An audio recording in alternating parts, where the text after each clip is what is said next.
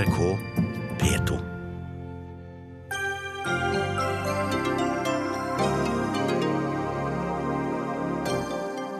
Politikere svikter når debatten om islamsk ekstremisme blir et spørsmål om innvandring, mener forfatter. Er kringkastingssjef Tor Gjermund Eriksen en elefant i glasshus? K-sjefen møter mediekommentator Bernt Olufsen til debatt. Norge må slutte å betale for utlendinger som studerer fag Norge ikke har bruk for. Vi vil bare ha studenter næringslivet trenger, sier Næringslivets hovedorganisasjon.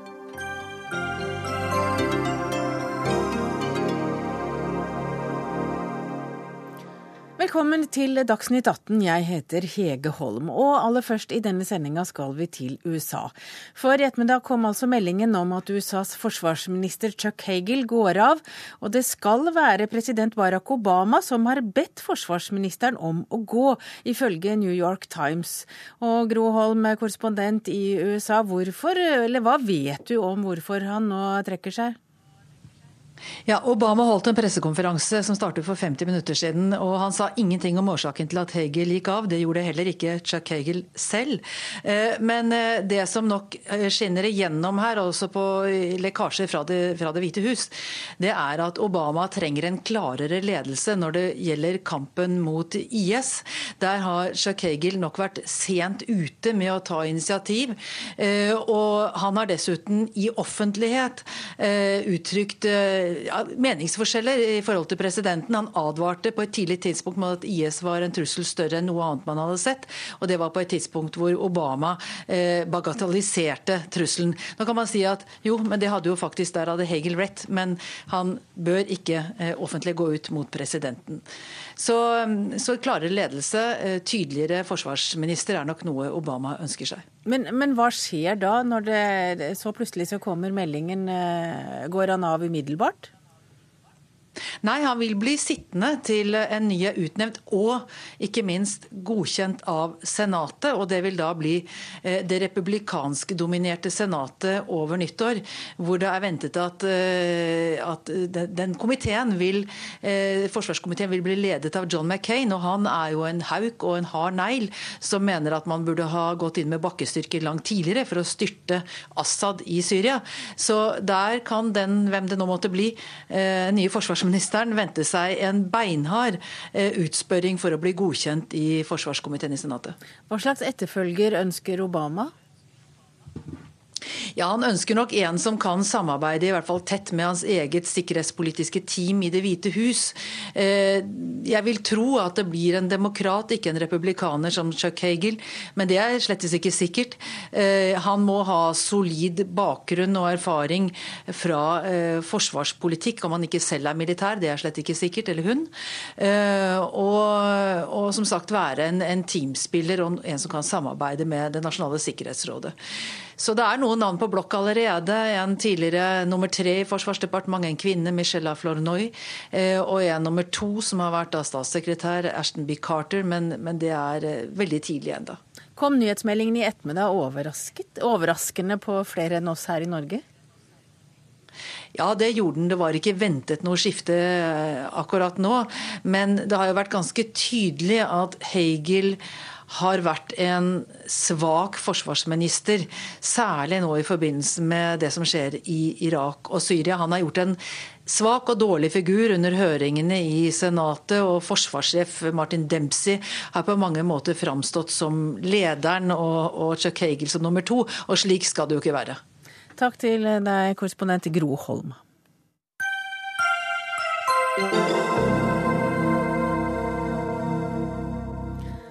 I dag har eh, integreringsminister Solveig Horne møtt britiske politikere for å diskutere konkrete tiltak mot islamsk ekstremisme. Og fra London har vi med deg, Solveig Horne. Hva har du lært i dag? Nei, Det jeg har lært er jo hvor viktig det er her å samarbeide. For at utfordringene våre er veldig like.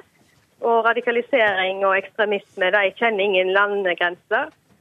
Og Derfor er det viktig å lære hva England har gjort både med forebygging og forskning, som er mitt eh, ansvarsområde i den handlingsplanen som regjeringen har lagt fram.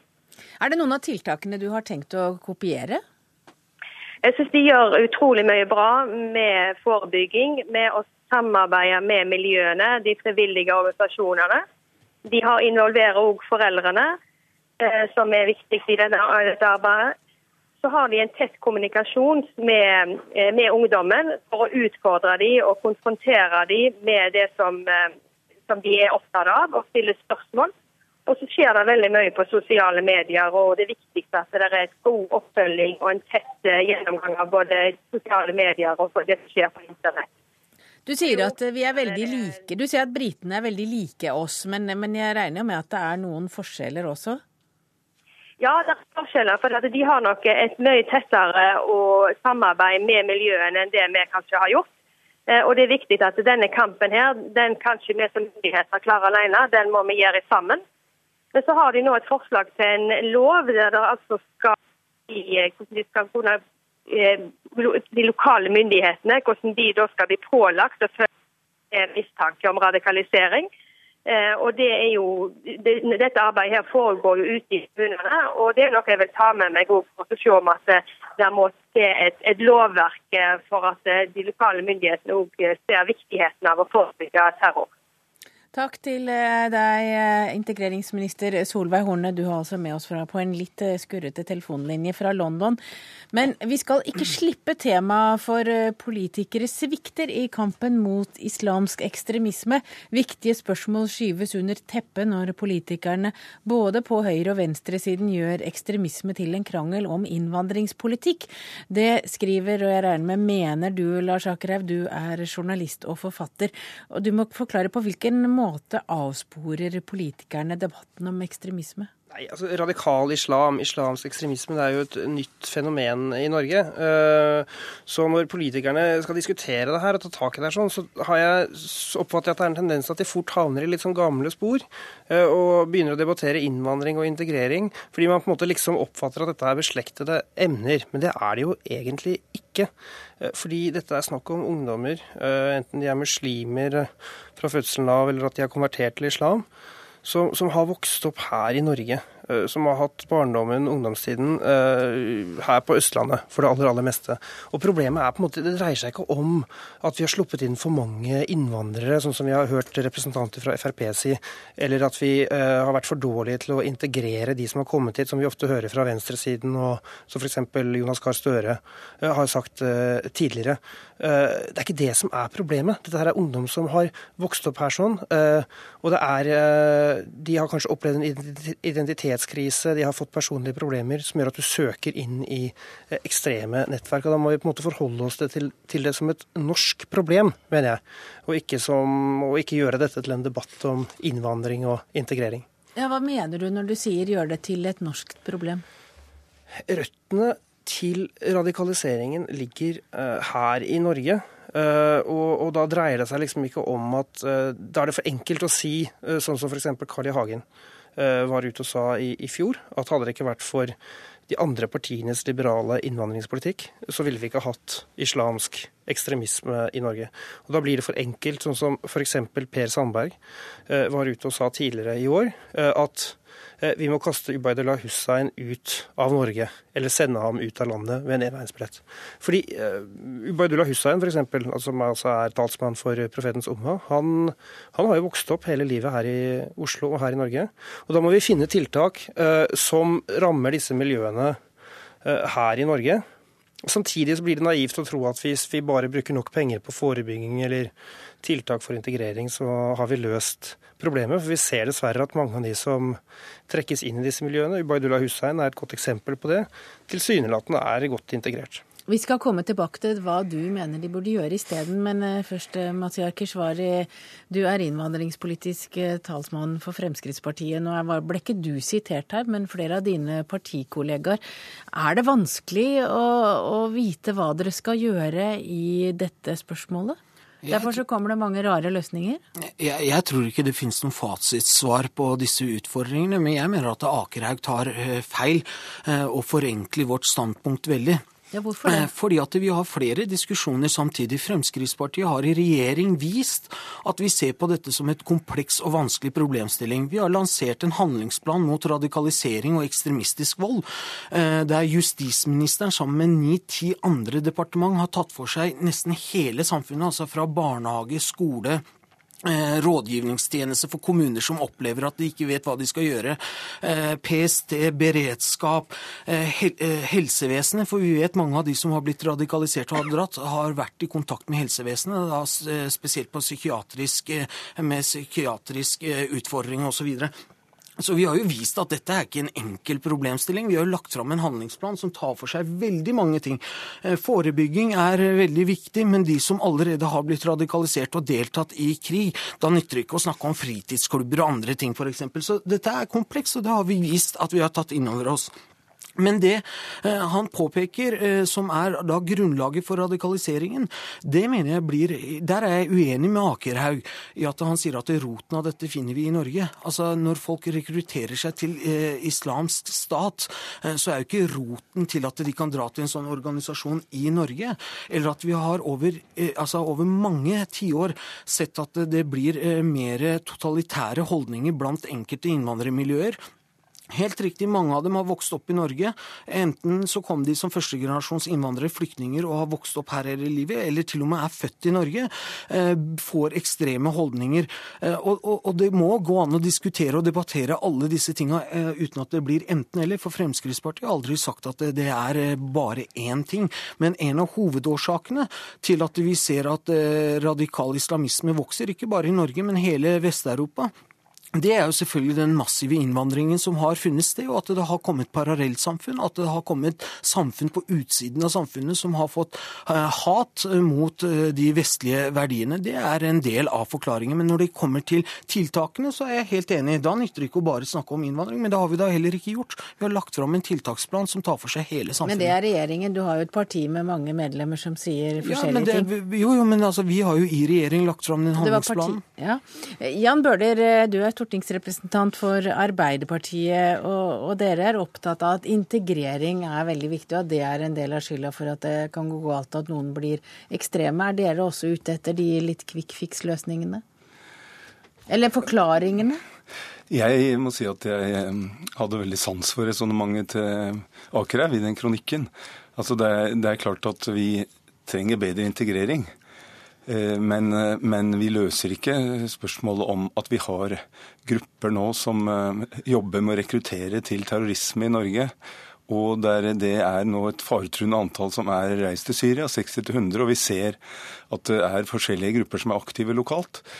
Og sånn som han Ibadullah Hussein som ble nevnt her, jeg kjenner jo til han. Han var jo fotballdommer på Årvoll, gikk i videregående skole, var helt uh, godt integrert og på alle måter velfungerende. Jeg kjenner uh, flere som vokste opp sammen. Og så plutselig i løpet av noen måneder så er han, er han fullstendig ekstrem og tilhenger av terrorisme osv. Så videre.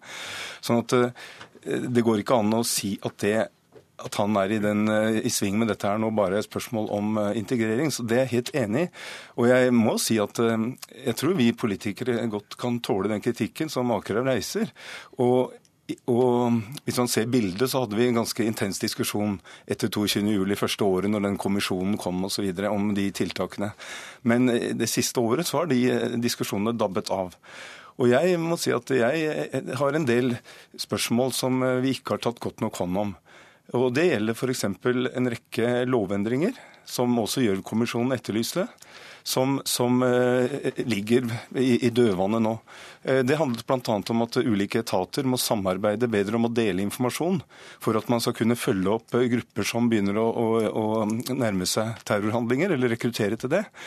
Og, og Pga. det litt sånn voldsomme gjennomslag som Datatilsynet har i norsk debatt, så har f.eks. ikke de eh, forslagene som eh, Gjørv-kommisjonen kom med når det gjelder taushetsplikt og hvordan etatene må kunne utveksle informasjon med PST, blitt, blitt fulgt opp videre. Senest nå nettopp så fikk Stortinget en, en, fra, nei, en proposisjon, lovproposisjon fra regjeringen hvor til og med PST og politiet ikke får løpende tilgang på noe så enkelt og lite sensitivt som førerkortregister og motorvognregister. Sånn når man følger etter noen, så kan man ikke slå opp og se hvem man følger etter. Uten å ha en lang prosess rundt det. Så vi er liksom på hæla når det gjelder å følge opp de og gi politiet de nødvendige redskapene. Så skal vi avveie det mot personvern og sånne hensyn. Men, men eh, jeg er helt enig i at vi trenger mer av den debatten, fordi disse handlingsplanene jeg husker Keshvari en gang tidlig kalte vår handlingsplan for Dildal, eller noe sånt. At det var masse sånn forebyggingsord som du kalte ja, men det, var mer av det samme som ikke funka. Veldig mye som ligner på det i den planen dere la fram. Så at jeg, bare, jeg skal ikke bruke tid på det. Men jeg mener at vi har godt av den salven som eh, Lars Akarav kom med, og at vi bør diskutere mer er vi faktisk nå oppe på et nivå, både når det gjelder lovgivning, hvor det ligger en rekke spørsmål, jeg nevnte ett, og venter, og når det gjelder hvordan vi styrker PST, og styrker den delen av politiet som jobber med dette. For det kan ikke bare være PST. Det må være hele politiet som er med å ta tak. Og Lars Akerhaug, Det kan hende at eh, du på en måte med den kronikken din har, eh, har fått et årsjeting, for det er ikke så veldig mange som vil være med deg på kritikken. De støtter vel egentlig heller det sporet du legger når du snakker om hva som må til? Altså, det er jo bra hvis uh, politikken blir mer kunnskapsbasert. og Det er det som har vært utgangspunktet mitt også for å skrive denne kronikken. At jeg mener at uh, politikerne ikke alltid har vært kunnskapsbaserte når de har uttalt seg om radikalisering og radikal islam. Og men, men, hva mener du at de nå bør gjøre for altså, Du har forklart hva som er galt. Hva er det som du mener er riktig? Jeg er jo journalist og forfatter, og det er mye enklere å peke på problemene enn løsningene. Men, men la meg likevel si at jeg, jeg synes det er uh, skremmende når det har gått to år eh, siden vi, det først ble slått alarm om at uh, unge muslimer reiste fra Norge for å slutte seg til radikale islamistgrupper i Syria. Vi visste at de ikke dro dit for å drive med humanitært arbeid. Vi visste at de dro dit for å kjempe med grupper som var alliert med Al Qaida eller andre terrorgrupper. Nå er det minst 50-60 som har reist. Sannsynligvis er det reelle antallet enda uh, høyere. Uh, det har gått to år, og fortsatt så har vi ikke fått på plass uh, noe nytt lovverk som gjør det mulig for Politiets sikkerhetstjeneste i flere tilfeller å gripe inn og stanse de som reiser ut. Så det her det avslører jo en, en brist i, i, beredskapen. Regjeringen har sendt et forslag på høring nå, ett år etter at de inntok regjeringskontorene. Vi vet ikke hvor lang tid det vil ta før det Eh, er implementert. Så vi ser at disse prosessene eh, tar eh, altfor lang tid når det er spørsmål som dreier seg om, om beredskap og sikkerhet. Men svaret ditt er altså det er ikke integrering og det er ikke å stoppe innvandring. Det er å gi PST videre fullmakter og mer penger? Altså, det er det som haster mest akkurat nå. Og så er jeg også opptatt av at de tiltakene vi iverksetter skal være forskningsbaserte. At vi vet at de virker. For det er en fare med handlingsplaner og alle mulige tiltak ute i kommunene. at vi setter i gang med en hel masse prosjekter som vi ikke kjenner virkningen av. Ja, Keshvari, det er du som sitter her og er regjeringens talsmann. Går det litt sakte? Altså, Vi kan alle være enige om at ting burde gått uh, fortere, men jeg mener at det her er en mye mer konstruktiv uh, linje vi er på nå. Det er klart det at uh, man kunne gjort mye. altså Både den forrige regjeringen og den nye regjeringen. Du sier at dette skjedde for to år siden, og da satt jo ikke den regjeringen som er nå. Men, men, men, jeg mener at man også må kunne ha debatter om årsaker og hva er som har gjort at radikal islam har bredt seg i Norge og i Vesten, uten at man dermed konkluderer med at det er en destruktiv nærmest eh, form for eh, tilnærming til dette. Vi kan ha alle disse debattene parallelt, men når det kommer til kunnskapsbasert tilnærming, så mener jeg Akerhaug er inne ved kjernen. Og Der har jo også regjeringen i denne tiltaksplanen tatt til orde for å sørge for at vi får mer forskning rundt det som fører til at eh, unge mennesker blir radikaliserte, og at de tyr til ekstremistisk vold. Så, så der vil vi jo få et godt grunnlag for det videre arbeidet også. Helt kort. Ja, jeg eh, mener at vi har eh, fått noen lover. Altså Vi gjennomførte lovendringer når det gjelder det som blir kalt soloterrorisme. Altså de som eh, blir radikalisert på egen hånd og forbereder terrorhandlinger. Og, og at man ikke skal kunne sitte og gjøre forberedelser, kjøpe inn forskjellig utstyr til det. Det hadde man ikke redskap for å gripe inn mot tidligere. Det har man fått nå.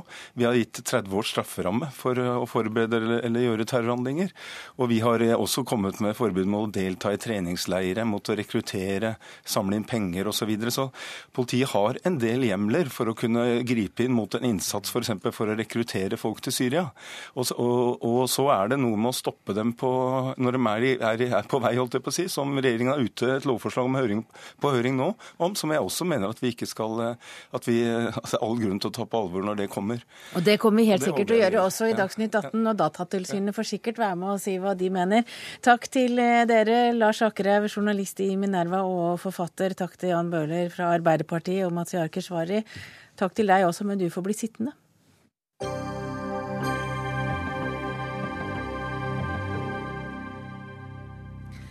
Det er like viktig å diskutere hva som lager klasseskiller, som å diskutere tiltak for å integrere innvandrere i det norske samfunnet. Det mener du, Thomas Hylland Eriksen. Du er professor i sosialantropologi, og du har ledet det store Alna-prosjektet i Groruddalen, som ble presentert i dag. Og da må du forklare meg hvorfor er klassespørsmålet igjen blitt så vesentlig? Jeg tror det har vært vesentlig hele tiden at det av og til forsvinner litt under radaren når vi f.eks. diskuterer Oslo øst, fordi vi er så opptatt av etnisitet og migrasjon.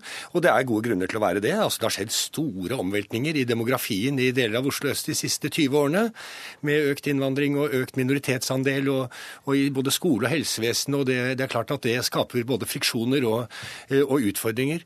Men det som er det grunnleggende faktum, er at Oslo er en klassedelt by.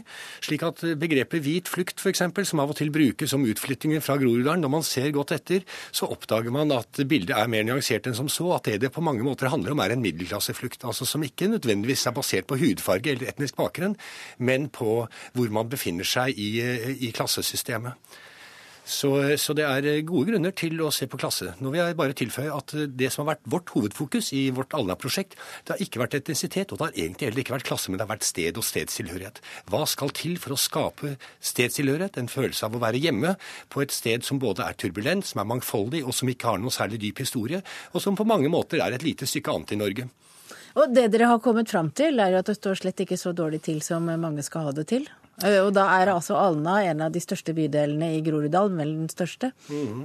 Ja, eh, vi er i hvert fall opptatt av å gi et mer sannferdig bilde enn det man kan gjøre med et journalistisk snapshot. Så vi får inn mange stemmer og mange innfallsvinkler, og vi har hatt folk fra ulike fag som har jobbet her. En med bakgrunn i pedagogikk, medieforskere, en mediesosiolog og sosialantropologer, og en teolog, eh, og også andre som har gjort feltarbeid i Alna bydel i løpet av de siste årene. Og kommet frem til et bilde som, hvis jeg skulle gi ett svar på spørsmålet om hva vi har funnet ut, så er det jo ikke så lett å si det når det er så mangfoldig. Men da vil jeg si at jo, det er at livet i Alna bydel er ganske vanlig. helt alminnelig. Men, men, du bare for ikke å helt, eh, helt, slippe klassespørsmålet. Du sier at det er, det er mer spørsmål om hvor du er i klassetilhørighet. Hvem er det som da reiser? Hvem som reiser fra Er det de som har råd til å kjøpe seg et eh, stort hus på, på vestkanten? Ja, De reiser jo ikke nødvendigvis til vestkanten. Det er det jo også, la oss si, der er det jo også variasjoner. Og Nå har ikke vi gjort noen statistisk undersøkelse av dette, men Statistisk sentralbyrå har jo en del tall. Men mye tyder jo på at mange med minoritetsbakgrunn de flytter ikke til vestkanten, men de flytter f.eks. til Lørenskog. altså De flytter til eh, nærområder, hvor de også har nærhet til familie og til kanskje etniske nettverk, og til folk de kjenner, og hvor de ikke er så langt fra der hvor de vokste opp. Og det er når de da har så god råd at de kan få like stor bolig bolig et annet sted. Mm. Men mange kan også få like stor bolig i Alna. Det må også sies. Det er jo mye flytting internt i Alna også. Men eh, Matriar Keshvari, du er her fortsatt, og du er fortsatt innvandringspolitisk talsmann for Fremskrittspartiet. Kjenner du deg igjen i eh, det som forskerne her har kommet fram til? Altså, Det er så mye motstridende de har kommet fram til, og det er så mye argumenter som slår hverandre i hjel, at jeg er litt usikker på hva de faktisk har kommet fram til.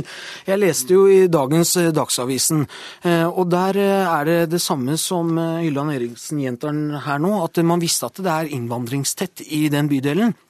Så Derfor har man sett bort ifra det faktum. Og hvordan man kan da se bort fra det faktum at det er betydelig med innvandrere som flytter inn, samtidig som nordmenn flytter ut, og samtidig ha en hypotese om at dette dreier seg først og fremst om klassespørsmål. Dernest, når det kommer til problemet om klassespørsmål, så gjentar jo Ilan Eriksen det samme her igjen. At det er ikke nødvendigvis sånn at det, altså på spørsmål fra programlederen, når de får bedre råd, Flytter de da til Nordre Aker eller Vestre Aker? Nei, de gjør ikke det. De holder seg fortsatt i bydelen eller i nærområdet, f.eks. Lørenskog. Så det er jo ikke helt lett å bli klok på hvordan eh, man kan underbygge hypotesen om at, dette, at utflyttingen av etniske nordmenn fra Groruddalen og fra Alna eh, ikke skyldes det faktum at det er en massiv eh, innflytting av innvandrere. Eh, det er ikke lett, fordi altså, argumentene er for og imot, som vi hører både her og som vi kunne lese om eh, tidligere i dag. Kan vi prøve å få en oppklaring der? Ja, ja det, har vi, det, har vi, selvfølgelig heller ikke sett bort fra. Men nå eh, er det slik at det er en stor industri i Norge som forsker på minoritetsspørsmål. Veldig mye av det dreier seg om integrering, og veldig mye av det har fokus på etnisk mangfold. Og vi er fullstendig klar over at det finnes et stort etnisk mangfold. Jeg har skrevet ganske mange bøker om det etter hvert, og artikler om etnisk mangfold også i Norge. Så det så vi ikke bort fra i det hele tatt. Men vi hadde i stedet som vår problemstilling hva skal til for å skape stedstilhørighet på et sted som f.eks. Furuset i Groruddalen i Alna. Eh, hvor det er hardt arbeid å skape tilhørighet fordi det er så mye turbulens, det er så mye ut- og innflytting. Det er folk der som har ulik kulturell bakgrunn. Noen har bodd der hele livet og, og har barn som, som, vokser opp der. Noen er nettopp kommet inn. Eh, eh, veldig mye vanskeligere enn i en liten småby f.eks., eller et annet norsk lokalsamfunn. Så det var det vi var nysgjerrig på. Hva skal til for å skape stedstilhørighet? Og der har vi også en del svar. Så vi har ikke bare sett på klasse, men vi vil ha med klasse også som en del av det store bildet, og mener at vi kanskje har snakket litt for lite om det eh, med tanke på byutvikling i Oslo de siste årene. Ingunn Gjerstad, du er stortingsrepresentant for SV, og du bor rett og slett i Groruddalen. Eh, hvilken virkelighetsbeskrivelse av hjemstedet kjenner du deg mest igjen i? Først må jeg jo bare få lov å si at jeg er veldig lei for at jeg ikke fikk vært på denne konferansen, for det hadde jeg virkelig tenkt. Men vi har så mye budsjettarbeid i Stortinget ja, for det, akkurat nå. Det er altså Alna-prosjektet er lagt fram ja. i dag, ja? Så den er lagt frem i det som jeg regner som som hjembygda mi. Altså, jeg har vandra til Furuset fra Vestlandet for 15 år siden og bor der. Og jeg kjenner meg ikke alltid igjen i beskrivelsen av alt som er vondt og leit i, eh, i Groruddalen. Eh, men samtidig så er det sånn at eh, altså, vi har veldig godt naboskap. Vi blir kjent med veldig mange folk fra ulike land og kulturer. Og så er det noe med å, å snakke om de tingene som blir vanskelig, men ikke nødvendigvis si at det handler om at det er for mange innvandrere eller for mange minoriteter. Jeg mener at det som Thomas og de har funnet ut i dette prosjektet, at klasse er viktig, det, det har stor stor sannhetsgrad for meg. Fordi at de fleste folkene som flytter da fra Groruddalen, enten de har den eller den bakgrunnen. De gjør det fordi at de kan få råd til boliger andre steder. Så det er mange ting vi må gjøre i denne byen for at vi skal få en blanding av folk. Sånn at vi ikke får den delte byen som gjør at vi som bor på Furuset, vi har én statue på deling, 9000 stykker. Men hvis du tar linje to til eh, vestkanten, så ser du fire og fem statuer i hver hage. Sant? Altså Bare for å ta et bilde på hva man har og hva man ikke har. Så, og så er det noen som, eh, som eh, som sier at, at, det er innvandrerne sin feil at det blir, blir, ikke god nok integrering. Men det er faktisk sånn at det er levekår, og veldig mange folk som har lite penger samla, så blir det litt mindre ressurser kanskje. og Derfor må vi ha noen spesielle ressursutjevningstiltak, som f.eks. Groruddalssatsingen. Sånn som man har gjort i, i bydelen for å, å, å skape gode lokalsamfunn. Gode møteplasser. Ja, det er riktig. Men eh, det, det, SVs eh, representant sier at dette med klasseperspektivet er noe hun mener er riktig. Poenget mitt var bare at det er ingenting som underbygger den hypotesen eh, ved det som er lagt fram i dag. Og så ser vi jo akkurat det samme mønsteret, ikke bare i bydel Alna, men vi ser det i Søndre Nordstrand, vi ser det i gamle Oslo, nærmere bestemt Grønland. Når, når det er andel innvandrere opp mot en viss prosent, og da gjerne halv, altså halvparten av innbyggerne, når det bikker det enten det er på skolen eller i området, så går det veldig fort til at det blir rene innvandringssteder. Eh, Søndre Nordstrand er jo den bydelen i Oslo nå som har over halvparten av befolkningen med innvandrerbakgrunn. Og det, jo, og det, henger selvfølgelig sammen med mange, eh, mange, forskjellige ting som gjør at det blir sånn, men man kan da ikke se bort ifra det og si at den store elefanten i rommet er klasseforskjeller, når ingenting i den, eh, i den prosjektet underbygger det. Eh, det. det. er det jeg har reagert på. Ja, jeg, er ikke, jeg, er ikke, sikker meg enig i at det ikke er noe i prosjektet vårt som underbygger det, men jeg vil gi deg delvis rett. fordi faktum er at vi må se på et sammenfall mellom ulike faktorer. Vi må ha flere tanker i hodet på en gang. Og det som er uheldig ut fra et likhets- og utjevningsperspektiv, og et perspektiv som går ut fra at alle mennesker skal ha omtrent de samme mulighetene til sosial mobilitet i dette samfunnet, det er hvis vi får et sammenfall mellom klasse og etnisitet, og hvor folk som tilhører en etnisk minoritet, ikke har nettverk som strekker seg f.eks. inn i majoriteten. Eh, og der kan man jo gjøre noe med tanke på byplanlegging. Og mitt poeng i avisen i dag, eh, og også i ting jeg har skrevet tidligere, det er at Oslo har vært klassedelt lenge før det var innvandrere her. Og man hadde mange av de samme problemene på østkanten, med manglende nettverk, manglende muligheter osv., andre leve levevilkår osv. Slik at det å skylde på innvandrerne for at vi har en klassedelt by, det blir på en måte feil. Men Der mener jeg man er ved essensen av det. Hva er det som har gjort at vi over tiår med høy innvandring da ikke har klart å løse de utfordringene?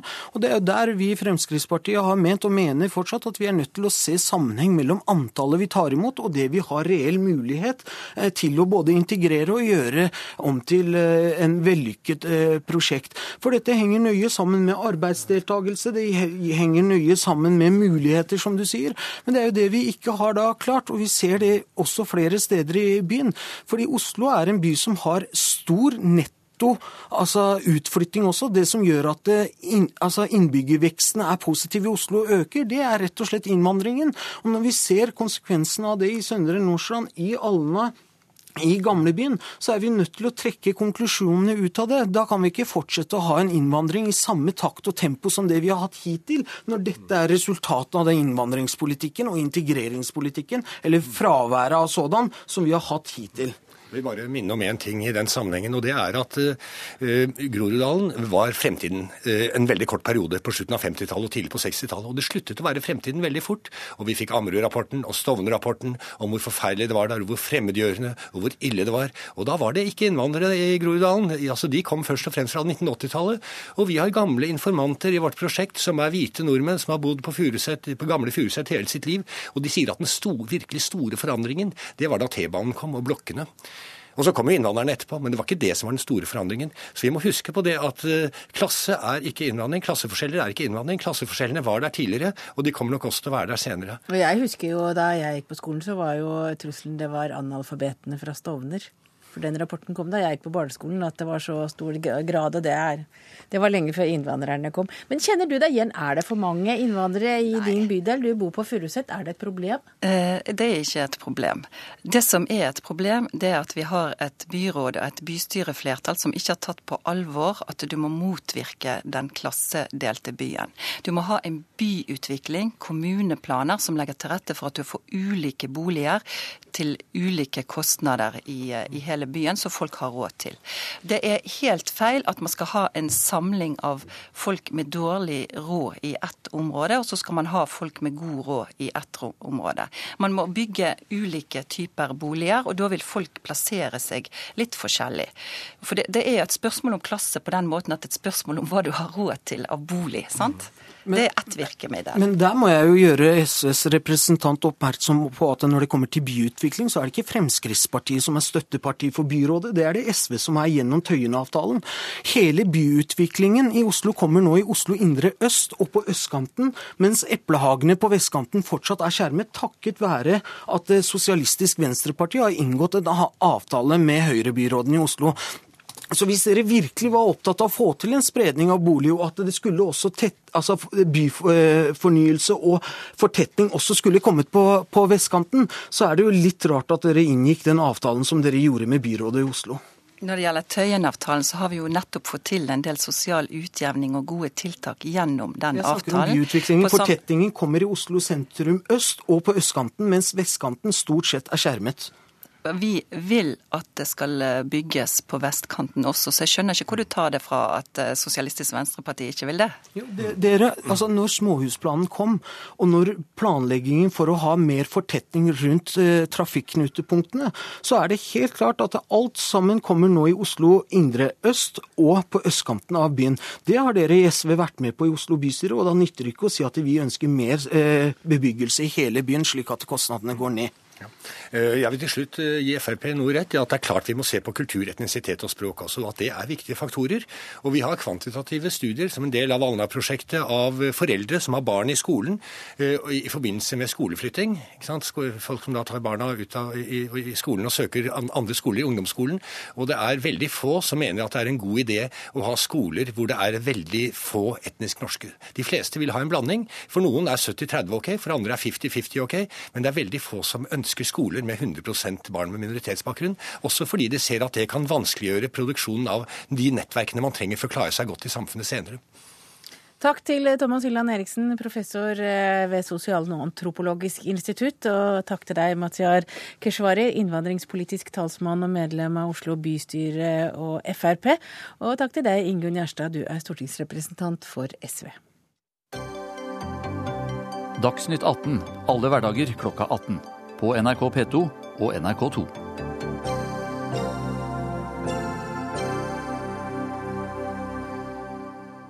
Vi kikke litt inn i navlen vår, for eh, inn, i dør, inn av døra kommer kringkastingssjef Tor Gjermund Eriksen. Og han eh, følges av Bernt Olufsen, tidligere redaktør i VG. Og det handler altså om en debatt som pågår i spaltene, fordi eh, kringkastingssjefen han er en elefant i rommet. Det skriver tidligere VG-redaktør i en kommentar. Og bakgrunnen er kringkastingssjefens kamp for gode konkurransevilkår for NRK. Og ifølge Olufsen vil NRK NRKs gratistilbud svekke og i verste fall drepe lokalavisene. Og dette må du forklare mer, Bernt Olufsen. Hvorfor vil NRKs nettilbud drepe lokalaviser? Jo, altså Vi opererer jo nå på en felles eh, digital eh, arena. Og der kan jo NRK distribuere sitt radio- og TV-tilbud. Men eh, vi sliter i lokalaviser og i regionaviser med å etablere nettaviser som kan eh, være levedyktige og inneholde god nyhetsjournalistikk for eh, sine lesere fremover. Og min oppfatning er at denne posisjonen blir ekstra utsatt hvis NRK også kan etablere et avislignende tilbud på nettet som er gratis. Det blir helt nødvendig for eh, lokalavisene og regionavisene fremover å ta brukerbetaling på nettet, i tillegg til de eh, inntekter man får fra et veldig utsatt annonsemarked. Og da må vi ha en sunn balanse i eh, medieøkonomien. Og det å ha en, stats, en lisensfinansiert statlig kringkaster i et fritt konkurrerende privat mediemarked blir problematisk. Dette har vi påpekt i en rapport som Mediebedriftenes Landsforening nå har utgitt i forrige uke. Ja, Tor Gjermund Eriksen, kringkastingssjef. Er NRK ute etter å knuse region- og lokalaviser ved å ha et gratis nettilbud, når avisene er tvunget til å ta betaling? Overhodet ikke. Og vi kan i hvert fall ikke ta denne debatten uten å diskutere hva som er eh, situasjonen i norske mediebedrifter. Eh, og Eh, og hva som er, må være målet med mediepolitikk. Målet må jo være et godt, mangfoldig medietilbud. Og Det som mer enn noe preger konkurransen i Norge nå, er jo at store globale aktører som Google, Netflix, HBO osv. Eh, går inn i det norske markedet, gir nordmenn et godt, god valgfrihet, men har også tatt over stor, et veldig stor andel av annonsefinansieringen. Eh, NRK skal være med og bidra til dette mangfoldet. Vi eh, i NRK har ingen ambisjon om å gå dypt ned i lokalmarkedet. Eh, vi er på regionnivå, og det er faktisk Da må vi, må vi passe på at vi ikke begynner å svekke et NRK som fungerer ganske godt, sånn at vi både får svakere lokalaviser og en svakere allmennkringkaster. For målet som jeg tror Bernt Olufsen og jeg er enige om, det er at vi ønsker et mangfold både allmennkringkaster og eh, lokalaviser som er gode. Ja, Nå er jo situasjonen den at eh, regjeringen legger opp til at eh, rammene for NRKs virksomhet skal diskuteres på nytt i en egen stortingsmelding. og I den forbindelse er jo bransjen bedt om å uttale seg. Problemet er at dagens ramme, dagens NRK-plakat som ble innført i 2007, og vedtektene til NRK, gir i realiteten eh, NRK en rett til å drepe lokalaviser gjennom å operere i et kommersielt marked. Slik kan vi ikke ha det, og derfor så må den plakaten og de vedtektene etter MBLs syn endres. Men Bernt Thorløsen, noe av hovedproblemet med denne diskusjonen, det er at publikums eh, stemme nesten ikke eksisterer i debatten. Du eh, er i tillegg til å være tidligere VG-redaktør, så er du en mediekommentator. Du er, eh, jobber i Skipsted. Du sitter i et utvalg for MBL og representerer selvsagt en del av mediebransjen som ønsker å få bedre konkurransevilkår. Og da må jeg spørre, Skal vi ha en mediepolitikk i Norge? Er målet å bygge opp et mangfold og bidra til et mangfold, sånn at vi kan konkurrere på sunn måte om god journalistikk som vil være til det beste for fellesskapet i Norge. Og når du sier at NRK må ikke bygge opp nettavislignende eh, produkter, hva er det? Det er akkurat nå kommet en undersøkelse fra noen forskere i Bergen som har sett på eh, NRKs nettilbud. Og de påviser altså at NRK er nå mer og mer ulike de vanlige nettavisene, og framstår mer og mer som en portal for allmennkringkasting. Og allmennkringkasting er både brede formater og populære formater, men også en rekke innhold som andre ikke produserer, som for barn, samisk, norsk musikk, nynorsk osv., som er forpliktelser vi har. Ja, NRK produserer tror jeg 80 000 avislignende uh, artikler uh, i året. Uh, jeg tror det tallet tar opp tallet for seg selv. Medieanalytikere i Bergen er så vidt jeg vet ikke ferdig med sitt arbeid ennå, men jeg tror heller ikke vi kan overlate til medieviternes skjønn Eh, hva som blir effekten av en konkurranse i eh, vårt marked. Her er, det, her er det Hva? Vet du det? Altså Hvis vi ser på eh, sammenligner Norge med andre land, så har vi en sterk allmennkringkaster. Men vi har også en ganske sterk mediebransje for øvrig. Jeg tror vi deler bekymringen for norske lokalaviser, og for at den forretningsmodellen er svekket så er det faktisk gledelig, og litt oppsiktsvekkende gledelig, hvor godt norske lokalaviser står i lesemarkedene. Men alle sliter. Robert Olufsen, hva mener du? Altså, hva er det du ønsker her at uh, Toril Vidvei og Kulturdepartementet skal gjøre? For det er jo åpenbart at du, uh, du signaliserer at jeg, du vil ikke ha noe imot begrensninger, at det ble lagt begrensninger på NRKs Jeg ønsker, eller MBL ønsker, og det er altså et bredt sammensatt utvalg i MBL som har vurdert dette. Eh, som består av eh, representanter fra A-media, eh, hvor Tor Gjermund Eriksen var tidligere sjef, Dagbladet, TV 2 og andre aviser, også Skipsted. Eh, og dette, denne utvalgsrapporten er da eh, godkjent av MBLs hovedstyre. Så dette er ikke noe, dette er ikke noe eh, sololøp fra min side, som Tor Gjermund Eriksen her gir inntrykk av. Men hva er det du ønsker? Altså, hva er det du vil at, Hvordan vil du at NRK skal vingeklippes? Vi har Jeg ønsker ikke nødvendigvis at NRK skal vinne, vingeklippes og heller ikke strupes. Jeg ønsker et sterkt NRK som konsentrerer seg om sine kjerneoppgaver i samfunnet samfunnet, som er samfunnsnyttig og god kritisk journalistikk. Det er imidlertid grunn til å reise spørsmål om NRK har tatt en for stor posisjon i vårt uh, norske mediemarked. Uh, mens norske lokalaviser og regionaviser nedbemanner og nedbemanner, har NRK ansatt noe sånt som 400 nye medarbeidere de siste årene. og en femtedel er... av alle journalistene i Norge i dag er ansatt i NRK. Det er en uh, dominerende posisjon som jeg ønsker å problematisere gjennom denne rapporten. Nå, nå skal vi ikke snakke om, om detaljer i NRK, men dette vet du ikke er riktig. NRK eh, har eh, de siste årene gjennomgått en stor effektivisering. Vi har redusert antall årsverk bare det siste året med 140 ca. Men det er ikke poenget. Poenget er eh, hva skal til, hva slags norsk mediepolitikk skal til, sånn at det norske publikum får et best mulig mangfold, best mulig medietilbud.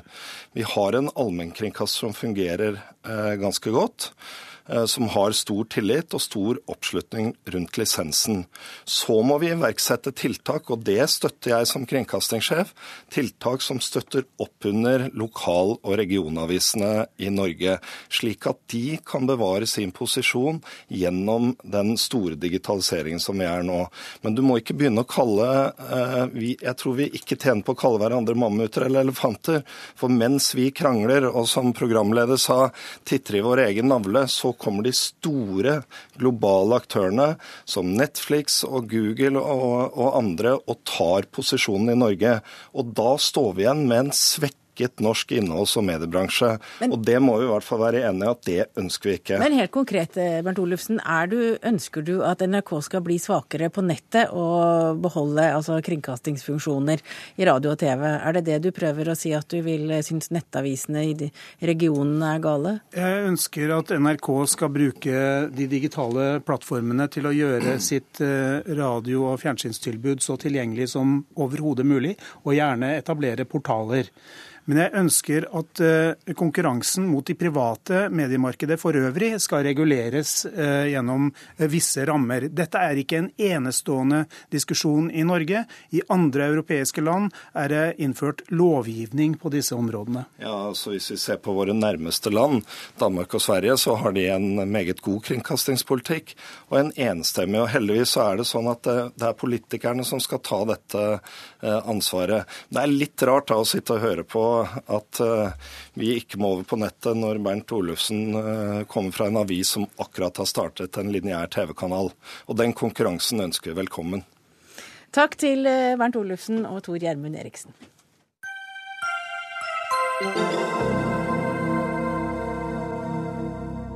Norge bruker store ressurser på å utdanne utenlandske studenter til yrker vi ikke trenger i Norge. Vi må få noe igjen, mener næringslivets hovedorganisasjon, som vil sile og styre studentene i mer nyttige retninger for landet. Og NHO-direktør Svein Oppegård, eh, det er du som har målbåret denne, dette utsagnet gjennom Dagens Næringsliv. Og, og, hva er problemet med måten vi utdanner på i dag? Ja, aller først vil jeg gjerne si at NO er selvfølgelig veldig positiv til utenlandske internasjonale studenter. Det skulle bare mangle. Vi trenger kompetanse, vi trenger velutdannede ungdommer. Vi trenger alle som kan noe. Det vi har satt eh, spørsmålstegn ved, det er forholdet mellom de kan du si, studieretningene som gir sikre jobber, og de studierekker som er mindre sikre. Fordi vi ser en stor forskjell i rekrutteringen til økonomisk administrativ utdanning og til teknologiske fag. Vi ønsker å flytte tyngdepunktet mot de teknologiske fagene, og kan du si, utdanne kanskje færre innenfor de um, økonomisk administrative stillingene i studiene. Så Derfor så har vi pekt på noen mekanismer som kan brukes for det.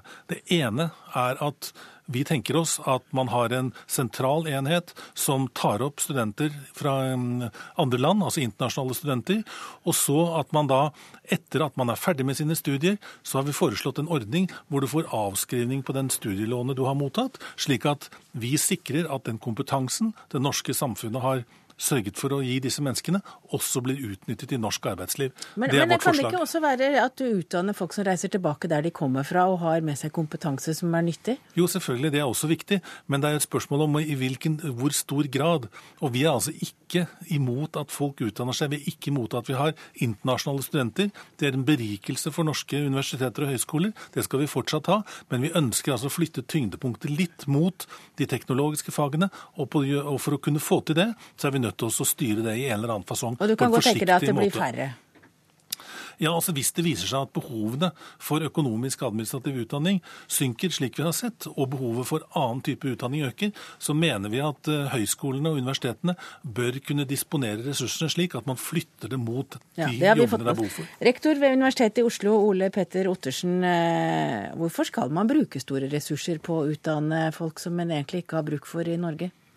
Ja, For det første mener jeg utgangspunktet er feil. Hvis man gjør et totalregnskap, som vi sikkert kan komme tilbake til, så tror jeg faktisk det vil lønne seg til og med kroner og øre for eh, Norge å være åpen for studenter eh, fra utlandet.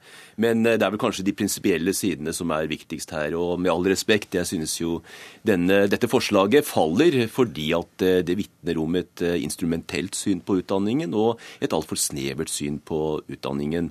Jeg mener vi skrur tiden tilbake hvis vi nå begynner å lage noen nye barrierer langs våre grenser for bevegelse av studenter, talent, ekspertise.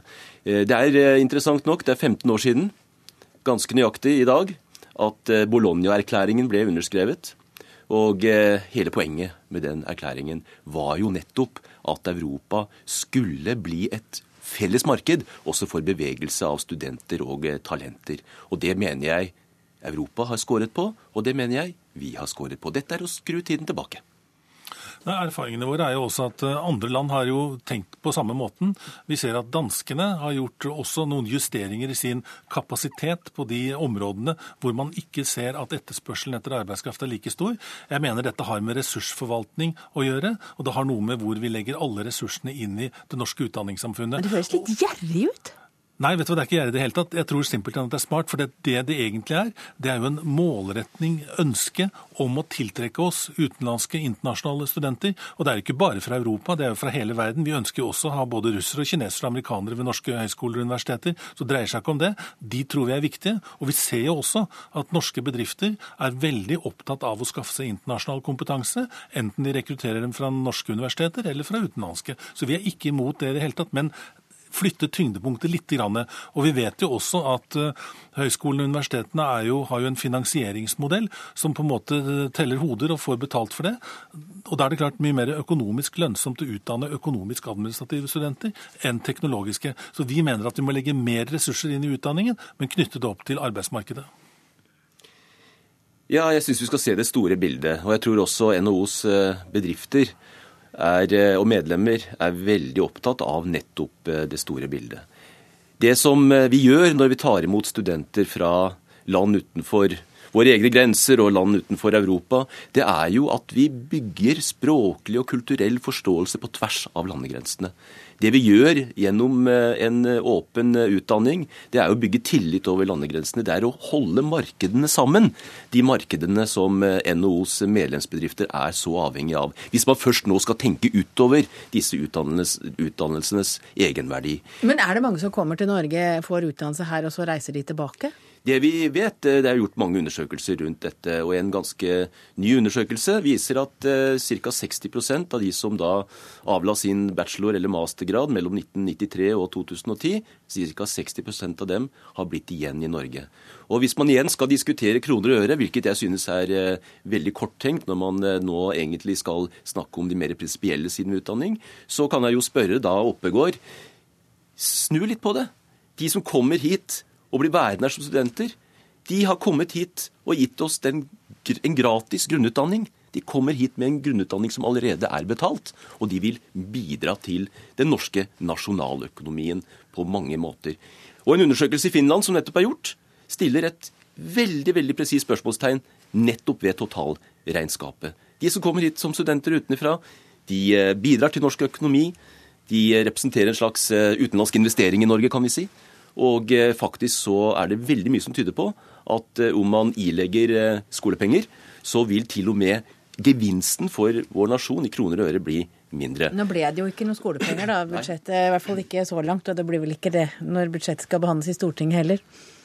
Nei, altså Vi tenker helt enige med Olsen i det spørsmålet, der, men vi skal også berike det norske samfunnet med at de faktisk jobber etter at de er ferdig med studiene. For det er ikke bare slik at de beriker universitets- og høyskolemiljøene, og det er bra i seg selv, men vi ønsker jo også at de skal kunne arbeide videre. Vi trenger den internasjonale kompetansen internasjonale studenter representerer, men vi ønsker jo gjerne at de fortsetter å arbeide her. Det samme gjelder doktorgradsstipendiater. Vi ønsker jo gjerne at de vi har kostet på en ganske kostbar utdanning, at de fortsetter å arbeide i Norge. Det trenger norsk arbeidsliv arbeidsliv, og det trenger norsk samfunnsliv. Nå står det en med lang og kostbar utdanning utenfor døra og venter på å komme inn. Takk til eh, Svein Oppegård fra NHO og Ole Petter Ottersen, rektor ved Universitetet i Oslo.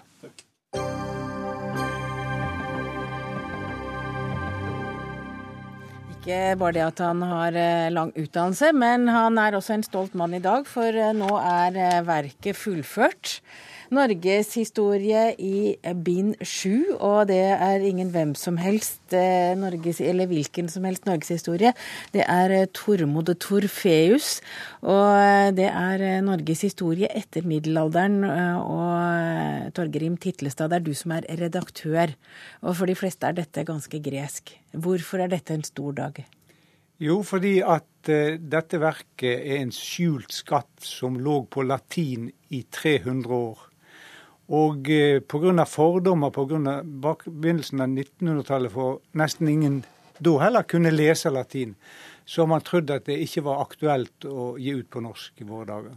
Men nå har vi fått gjort det, en stor dag. Men samtidig så er vi klar for neste etappe. Eh, vi har nemlig oversatt hele verket til engelsk. Det må bearbeides litt, og så vil vi gå ut i verden med det. f.eks. digitalt, og vi har til og med latinversjon klart for eh, publisering.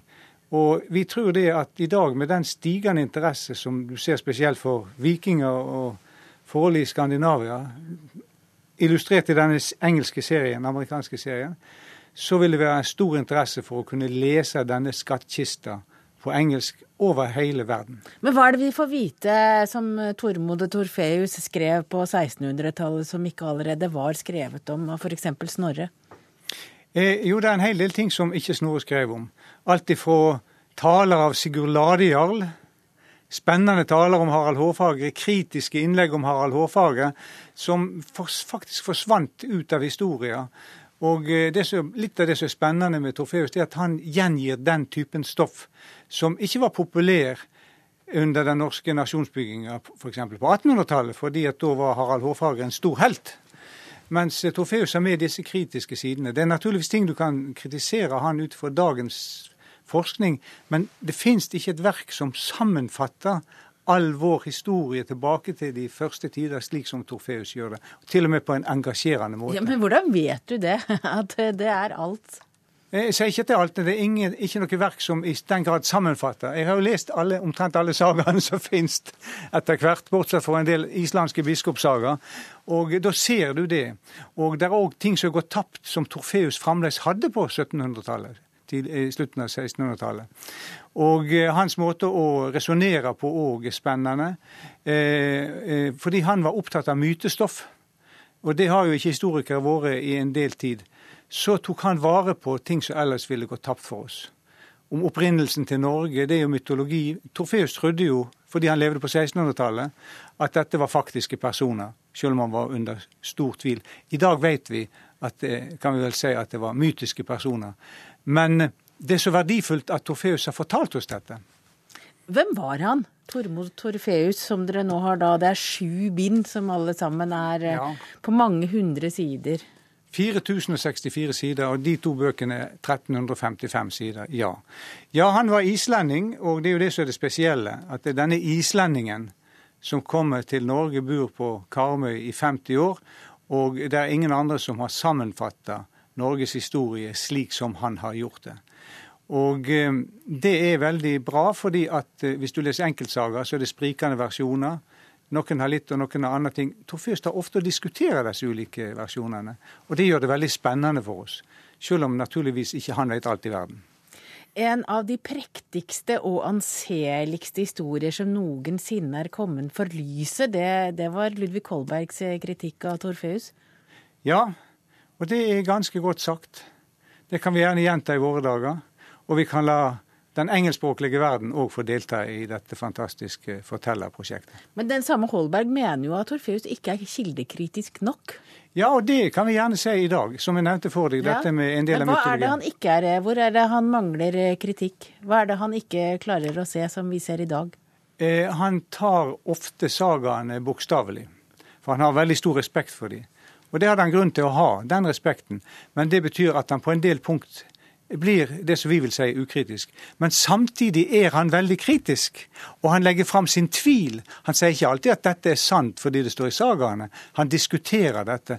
Og som leser i dag så vil vi ha glede av å føle hans tvil, selv om han kan gå inn for et eller annet synspunkt som i dag ikke lenger er aktuelt. Kan du veldig kort gi en liten, en liten leseinnføring? Hvordan skal man lese disse sju bindene? For det er jo det er jo ganske kraftig materie å begynne på. Ja. Det er vanskelig å begynne på begynnelsen.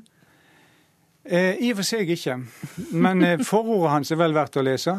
Og det er klart du må navigere alt etter personlige interesser. For jeg har kalkulert det tar nesten to år å lese hele verket. Hvis du leser noen sider for dagen. Så du må gjøre det. Og eh, vi har mange gode historieverk som gir oss innsikt i å begynne med dette verket. Hvordan fant du eh, Torfeus? Jo, Det var pga. forretningsmannen Sigurd Aase i Haugesund. Så hadde denne vanvittige ideen om å få ut verket på norsk. Og Jeg arbeidet jo med sagaer, og så skaffet han en del penger så vi kunne begynne å gå inn i verket. Og da var jeg fortapt, fordi det er utrolig et verk for alminnelige nordmenn å kunne lese. For før kunne ingen andre enn noen få spesialister. Som kunne latin? Ja. Er du sikker på at eh, oversettelsen er riktig? Stort sett ja, for vi har hatt et veldig kvalitetssikringsapparat. Og hvem er den mest spennende sagaen? din favorittsaga? Vet du, det har jeg ikke. Jeg kan ikke si at én saga er favorittsagaen min. Hvis jeg skulle holde på én ting som har gitt meg mest, så måtte det være Flatøybok. Som Torfeus brukte som sin hovedkilde, som vi òg har fått ut på norsk nå. Bind 1. Men den er ikke blant disse, der må du kjøpe en bok til. Ja, nei, jo, du, altså Poenget er at Torfeus han har brukt Flatøybok så ofte at du får referanser og hans diskusjon om hvordan man bruker det. Han både tviler og tror. Takk til deg, Torgrim Titlestad. Du er redaktør for dette verket. Nå er vår sending slutt. Ida Tune Øritsland, Lisbeth Sellereit og Hege Holm, takk for oss, og vi møtes igjen i morgen.